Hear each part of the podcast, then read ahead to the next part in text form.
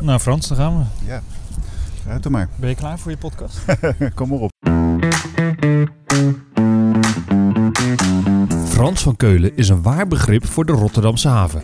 Een lopende encyclopedie over alles dat te maken heeft met het havengebied en de ontwikkeling van kleine stadshaven tot de grootste haven van Europa.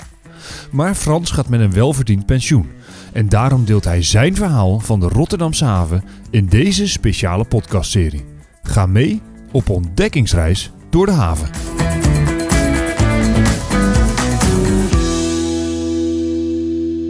Mijn naam is Selwyn Frenzen en in deze podcastserie mag ik met Frans door het havengebied trekken om van alles te leren over die bijzondere Rotterdamse haven. We bezoeken onder andere Maasvlakte 1 en 2. Er waren eigenlijk verschillende ontwerpen voor een tweede Maasvlakte. Het, is, het model wat het nu geworden is, is waar we uiteindelijk toestemming voor hebben gekregen. We varen door de Botlek en Europoort. Botlek is, uh, is uh, ingericht, gemaakt ook. Dat was ook poldergebied. Uh, en dat uh, kennen wij nu als het Botlekgebied. Ja. En dat heeft uh, de komst gezien van de petrochemische industrie. Als je ook om je heen kijkt, zie je heel veel tanks. Maar Frans deelt ook bijzondere feitjes over de haven en de schepen die er varen. Dan gaat niet dat alleen het schip en de lading verloren, maar ook de bemanning. En om dat te voorkomen heeft meneer Plimsel iets bedacht. -hmm. Waardoor je dus kunt kijken naar waar ben ik op deze aarde. Ja. En tot hoever mag ik hier laden om op een andere plek veilig te kunnen varen.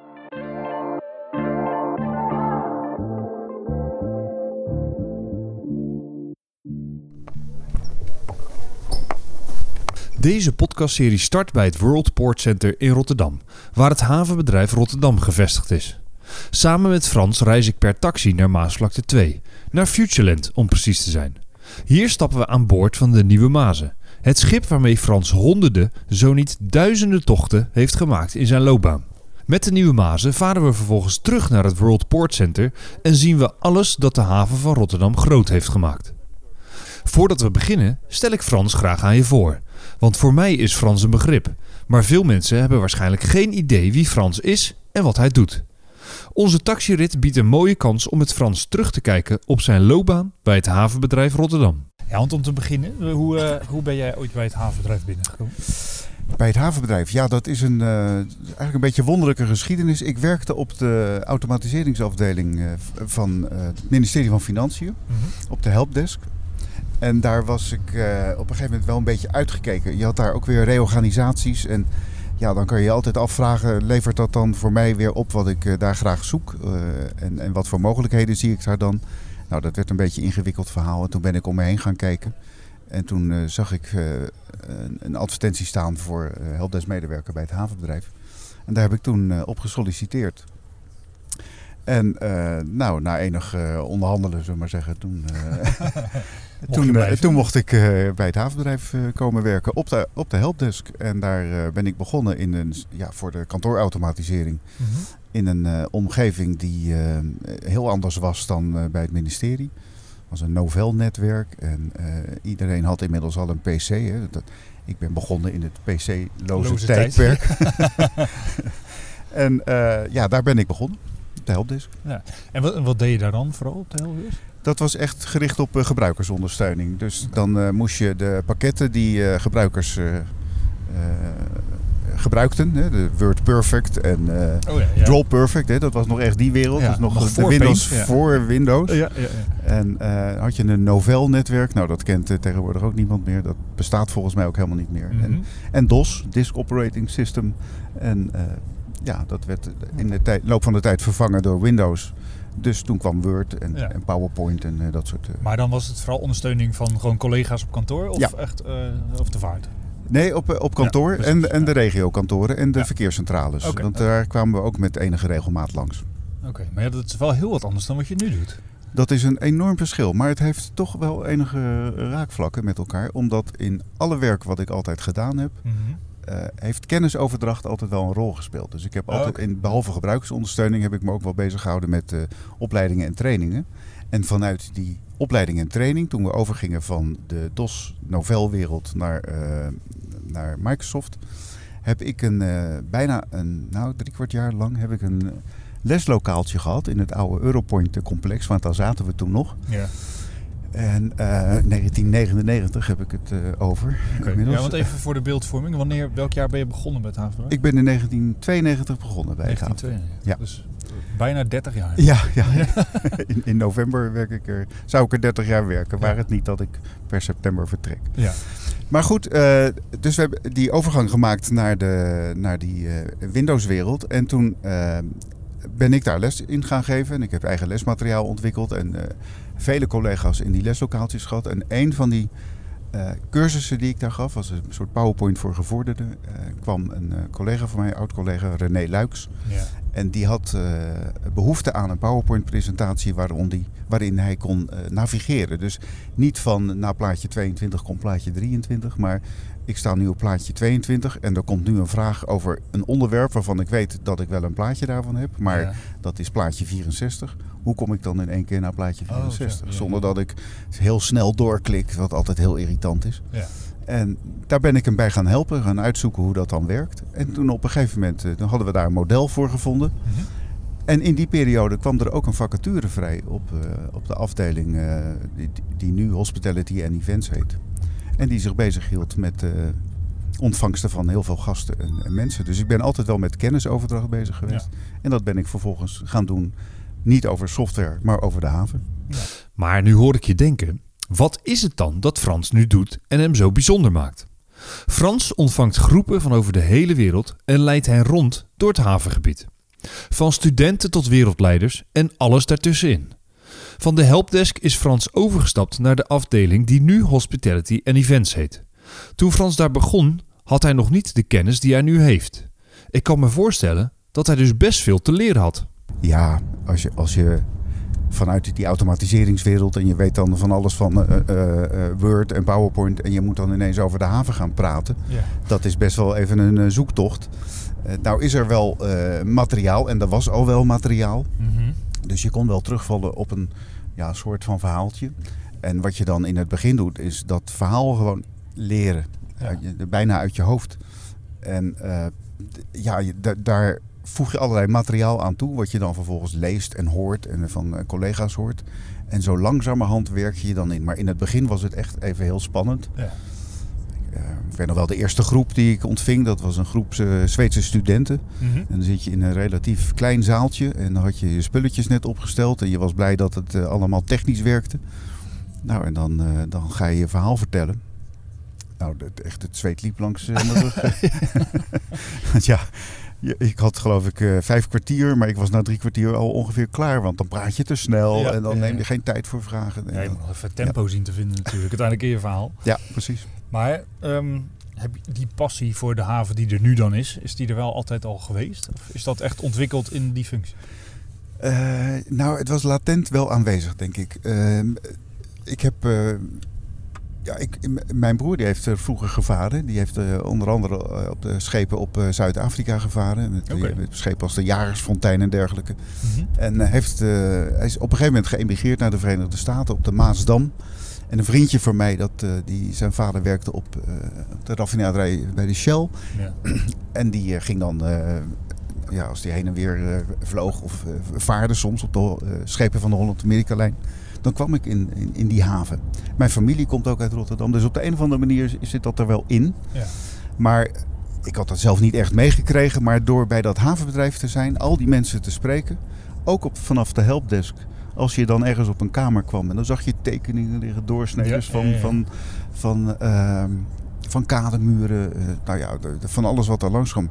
Ja, dat heeft altijd wel mijn nieuwsgierigheid gewekt. Ja, er, er gebeurt gewoon veel in zo'n haven. En dat, dat wekt ook een bepaalde nieuwsgierigheid natuurlijk. Ja, dat klopt. Eh, het, is, het, het gekke is dat er niet, in het begin word je, wordt je aandacht gewekt door die fysieke infrastructuur, door die grootte van die haven, door al die dimensies die je daar dan aantreft. Mhm. Eh, die, die schepen die je dan op een gegeven moment ziet. Kijk, zolang je op kantoor werkt bij zo'n helpdesk, dan zit je binnen. Ja. En dan heb je niet die directe idee van die fysieke kant van die haven. Het enige wat je zag vanuit het Europoint-complex was dat je de Waalhaven inkeek. En daar zag Ja. je van die grote, steeds groter wordende containerschepen binnenvaren. Ja. En dat was wel fascinerend. Het, het gaat pas echt groeien op het moment dat je die haven ingaat. Dat je de kans krijgt om die haven ook daadwerkelijk te zien Ja. mee te maken. Af en toe eens een keer bij de bouw van iets aanwezig te zijn. Of nou ja, dat te volgen. het, het, de ontwikkeling zien met eigen Ja, ja, ja. Eh, ik, toen ik begon, toen... eh, nou, ik ben, zeg wat ik zei, in eind 92 ben ik eh, begonnen bij het havenbedrijf. Ja. En in 1993 kwamen de eerste plannen voor de Tweede Maasvlakte bovendrijven. En nou ja, ik heb dat hele project van een afstand natuurlijk, want ik zit natuurlijk zelf niet in die projectorganisatie, maar dat Nee. heb je dan wel gezien en, en zien groeien, zien gebeuren, Ja. gemaakt zien worden. En Ja, met een aantal activiteiten en festiviteiten ben je daar dan bij aanwezig geweest. Ja. Ja, en dat is wel een enorme ontwikkeling geweest voor die haven. Ja. Als je Ja, daar dat dan. is dan eh. Want ik, had het daar een tijdje geleden met, met een van onze collega's over. Ik kan me nog herinneren, ik was toen aan het studeren, dat gepresenteerd werd dat, de, dat Maasvlakte 2 klaar was en dat het in gebruik werd genomen. En Ja. hoe groot dat werd aangekondigd, heel logisch, heel groot ja, project. ja, ja, groot feest. En als je dan nu bedenkt dat het inmiddels alweer bijna 20 jaar in gebruik is. Gaat hard. Dat gaat echt heel erg hard. Ja, dat is, nou ja, dat is ook eh, eh, een van de fenomenen die je dan ziet. Het is een enorm terrein. Hè. Het is bij elkaar eh 20 vierkante kilometer, 2000 hectare. Ja. Dus voordat je zoiets hebt aangelegd, Ja. al- alleen al om, om alle mil- milieutechnische redenen. Ja, hè. Dat is een enorm onderzoek. En vervolgens moet je hem aanleggen. En dan moet alle infrastructuur er nog opkomen. Hè. Dus alle, alle wegen, spoorwegen, eh, eh, plekken voor eh, leidingen en, en kabels. En dan vervolgens gaan dan de kademuren worden aangelegd. Nou, het is een enorme klus. ja, en wij zeggen natuurlijk, hij is al 20 jaar in gebruik, maar eigenlijk is het nog steeds niet af. Nee. Ze zijn nog steeds bezig. Ja, maar dat was ook, ook voorzien. Hè. Het, was, het was nooit de gedachte van, oh, dat is binnen drie jaar vol. Nee, Eh, dat, dat zou zou ook... niet te doen zijn. Nee, dat zou ook heel raar geweest zijn als dat eh, gebeurd zou zijn. Het, is, het vraagt altijd tijd. En eh, je, bij de plannen die je maakt over zo'n tweede Maasvlakte... ben je natuurlijk ook aan het denken geweest over welke soorten activiteiten willen we daar nou Ja, eigenlijk wat hebben. gaat er gebeuren? Ja. Nou, en dat is, eh, dat is iets waar het havendrijf natuurlijk ook lang over nagedacht heeft. En gekeken heeft welke scenario's kunnen we daar nou op loslaten. En wat betekent dat dan voor de soorten bedrijvigheid die je daar eh, kunt eh, vestigen. Ja. Nou, en dat, heeft, dat bepaalt mede eh, de, de ontwikkeling van zo'n gebied. Ja, dat heb je niet zomaar 1, 2, 3 gevuld.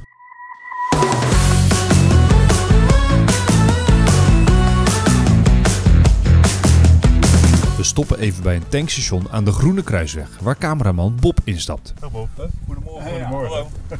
Alles goed? Ja, prima met jou. Bob zal tijdens de opnames filmen en voorziet ons van de mooie beelden die terug te vinden zijn op onze website portofrotterdam.com slash ontdekkingsreis.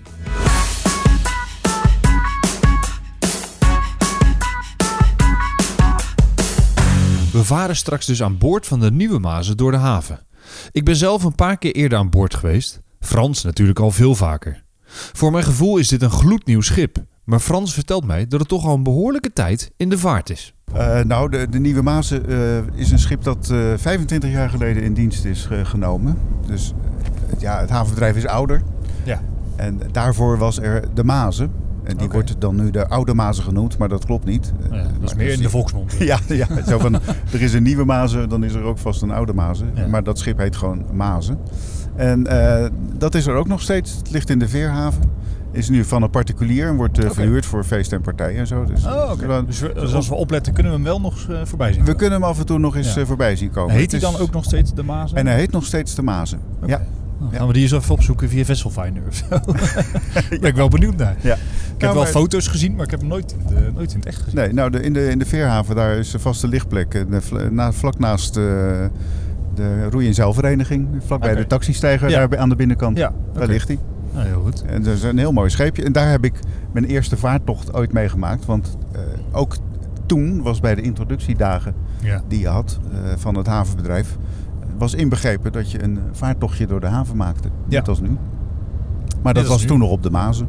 Tijdens zijn vele rondleidingen en bezoeken aan de haven heeft Frans ook veel bijzondere dingen meegemaakt. Zo kwam de Franse premier Filon ooit op bezoek. We hebben een keer een bezoek gehad van een eh, Franse premier, eh, premier Fillon. Het eigenaardige daarvan is dat die man later aangeklaagd is voor allerlei frauduleuze handelingen. En Oh. volgens mij nu in de gevangenis zit. dat weet ik niet, maar hij was destijds eh, premier van Frankrijk. En die bracht een bezoek aan de haven. En hij zou eh, op een maandagochtend komen. En Hans Smits was toen onze CEO. En Hans Smits zou uiteraard eh, de, de premier ontvangen. Ja. en we hadden dat voorbereid. Dat was een, een, een voorbereiding. Nou, je wil niet weten hoeveel tijd daarin is gaan zitten. Is echt die advance parties van soms wel eh, met 20, 25 mensen daarin. Inclusief de lijfarts van, van de premier. Mensen van algemene zaken, buitenlandse zaken. Nou, dat was een heel gedoe. En die zijn bij ons op bezoek geweest om dat hele bezoek voor te bereiden. En Mhm. toen zou die op een maandagochtend komen. En in zo'n motor, zo'n autostoet hè, met motoren Ja. eraan voorafgaand. En toen eh, werd ik vrijdagmiddag om eh, rond kwart voor vijf gebeld met de mededeling dat hij niet met de auto kwam, maar met een helikopter zou landen. Vlak voor Hotel New York. Ja. En dat is normaal gesproken geen probleem, dat kan. Ja. Als, als je, dat Ja, moet je ja, gewoon je ziet aanvragen. Je ziet- ja. dat is, dat is geen enkel probleem. Maar dat moet je wel aanvragen. Maar wat wilde nu dat geval in die week? was ook een soort kunstweek, net als we laatst de Art Week hebben gehad. En toen stonden er langs de, eh, de kades van de Wilhelmina-kade stonden eh, aan weerszijden, dus aan de Maaskant en de Rijnhavenkant en aan de Kopse kant, stonden allemaal manshoge beelden van olifanten. In allerlei kleuren geverfd en gedaan en Oké. prachtig. Het was echt een hele leuke tentoonstelling. Maar, zolang die beelden daar stonden, kon die helikopter niet landen. Nee. Nou, wie ga je nou om kwart voor vijf op een vrijdagmiddag Ja. nog even bellen? Om te vragen die van, olifant even weghalen? ik heb hier tien olifanten die weg moeten. Ja, ja, ik wist niet wie dat organiseerde of Nee. hoe dan ook. Dus ik heb toen eh, eh, een van mijn contacten die ik had bij de gemeente, heb ik toen gebeld. Van joh, weet jij toevallig wie daarover gaat? En eh, nou, die is op zoek gegaan en uiteindelijk eh, bleek dat eh, die had het gevonden. En om half negen waren de olifanten weg. en om twaalf uur stonden ze er weer. Ja. Dus dat probleem is opgelost. Nou, Frans heeft een echte talenknobbel. Want de rondleidingen geeft hij inmiddels naast het Nederlands ook in vloeiend Engels, Duits en Frans. Ik ben benieuwd of hij die talen al beheerde voor hij begon met het geven van de rondleidingen. Ja, eh, daar heb ik ook aan gewerkt. Want het is niet zo dat als je aan dit werk begint, althans in mijn geval, dat je dan... eh, Vloeiend alles spreekt? ah, behalve, nee, dat je het alles vloeiend spreekt. Ja. Hè. Wa- Wat je op school leert, dat is eh, eh, vaak de grammatica en je, je leest boeken en dergelijke. Maar Ja. spreekvaardigheid is daar vaak niet een onderdeel nee, van. precies. En dat moet je je dus wel eigen maken. Nou, bij Engels ben ik al heel lang bezig met het lezen van al die boeken. En, en omdat je op televisie heel veel Engels Ja. hoort en dergelijke, is, is dat wat minder een probleem. Ik wil niet zeggen dat dan je uitspraak goed is. Maar ik heb daar een soort, wel een soort gevoel voor, dus dan, dan Ja. ben je daarmee bezig. Je kunt je daar wel mee redden. Dan, kan- dan kan je Ja. daarmee redden en dan Ja. word je ook beter. Je leert ook meer woorden kennen. Dus Zo'n haven heeft een eigen woordenschat. ja. Hè, Die gaat verder dan een eh, gemiddelde thriller of een huistuin- en Zeker. keukenfilm. Zeker. Ja. Eh, nou, en toen, eh, ja, later ben ik dat ook voor het Frans en Duits gaan doen. En dat is eigenlijk meer een beetje begonnen als hobby. Ga altijd heel vaak naar Frankrijk toe voor, voor vakantie. Een fantastisch land. Mhm. Maar in het begin, als je daar komt, zo'n jaren terug, ja. dan eh, spreek je de taal wel, maar ja, eigenlijk ook niet goed genoeg. Ja, het is eh, vakantie Frans. Dat is Vakantie heel- Frans, ja. En dat is, eh, nou ja, dan kom je ook niet verder dan het bestellen van een biertje. En, Precies, ja. ja. Je, kan, je, je kunt je redden in het Je kunt restaurant. je redden in het restaurant, maar je hebt geen conversatie met Fransen. Dat, Nee. is, dat is veel lastiger. Ja. Eh, maar aan het eind van zo'n vakantie, dan leer je toch wel die taal beter. Dan krijg je toch wat meer gevoel voor. En Ja. dan denk je van, ja, ik wil volgend jaar zo terugkomen. Mhm. En toen ben ik cursussen gaan volgen bij de Volksuniversiteit aan de Alliance Française. Gewoon in mijn eigen tijd, gewoon voor mijn lol. Ja. En dan krijg je toch wat meer gevoel voor die spreekvaardigheid van die taal. Ja. En toen ik in deze baan zat, dacht ik van ja, we krijgen delegaties van over de hele wereld. Het is niet alleen in Frankrijk waar Frans gesproken wordt. Een aantal talloze Afrikaanse landen waar ook nog Frans gesproken wordt. Dus toen dacht ik van, nou dan ga ik me met het Frans bezighouden. Dus toen heb ik het verzoek daartoe ingediend. Ik heb Franse les gehad. Eigenlijk privé. Maar ik heb mijn presentatie daarbij gehaald. En ik ben aan die docent ben ik het verhaal van de haven gaan vertellen. Oh, in het Frans met Ja. alle woorden die ik toen wist. Ja. En, eh, ja, en hij vulde aan waar dat nodig was. Maar Oh, alleen maar Frans, geen Nederlands. Nee, nee, Zoveel mogelijk Frans spreken. Ja. En dat heb ik later ook weer in het Duits gedaan. Dezelfde manier. En dan leer je in eh, een behoorlijk tempo leer je toch wel heel veel woorden. En je moet dan op een gegeven moment met de billen bloot. Want dan moet je voor een Frans taal sprekende groep... je. moet je gewoon wel in het Frans gaan spreken. We zijn inmiddels bijna aan het eind van de taxirit. Maar voor we uitstappen deelt Frans nog een verhaal over een recente rondleiding die hij heeft gegeven aan een wel heel bijzonder gezelschap. Eh, een, een ander bijzonder bezoek, eh, wat nog niet zo lang geleden bij ons heeft plaatsgevonden, is, eh, heeft plaatsgevonden op verzoek van eh, onze eh, eh, Anja Elverding, dat is onze representative in, in Washington. Eh, samen met eh, de militair attaché van de Nederlandse ambassade daar. En dat was een verzoek om een groep eh, oorlogsveteranen uit de Verenigde Staten te ontvangen. Dat het is natuurlijk niet een groep waarvan je direct zegt, nou daar gaan we eens handel mee doen. En eh, daar komen tonnen eh, ladingen mee binnen. Maar het is wel een heel bijzonder gezelschap. En eh, toen, eh, dat is even besproken in ons, eh, in ons communicatieoverleg. Hè, om te kijken van welke groepen ontvangen we en wat doen we daarvoor. Welke tijd en moeite stoppen we daarin. Nou, hier was volmondig het antwoord van nee, deze groep gaan we ontvangen. Ja. Ik heb ze in de bus, heb ze, ze hebben me met de bus opgehaald. Dus ik heb een heel verhaal verteld over de haven. Naar, toen we naar Futureland reden, net zoals nu. En toen zijn we daar op de Nieuwe Maas gestapt en teruggevaren. En toen heb ik daar mensen gesproken. En het gaat over oorlogsveteranen van de Wereldoorlog 2. Hè? Dus het waren mensen tussen de 96 en 101. Ongelooflijk. En daar zaten een paar mensen bij die hadden de landing bij Normandië meegemaakt op die day. En de slag om de Ardennen, hè? achter elkaar, zes maanden later. Nou, die hebben wel in omstandigheden moeten vechten. En, en- Dus ik had wel het grote verhaal van de haven, maar toen deze man het verhaal vertelde, werd ik wel heel stil.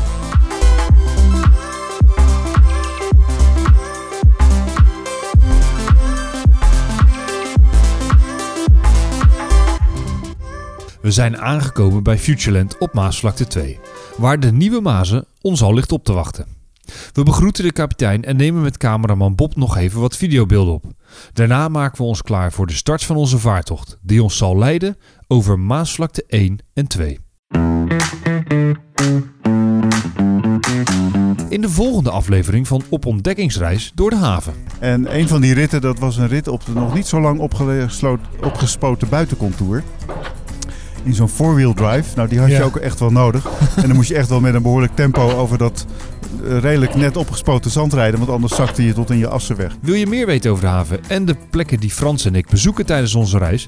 Neem dan een kijkje op portofrotterdam.com slash ontdekkingsreis. Bedankt voor het luisteren en graag tot de volgende aflevering. Als we onze ontdekkingsreis door de Rotterdamse haven vervolgen.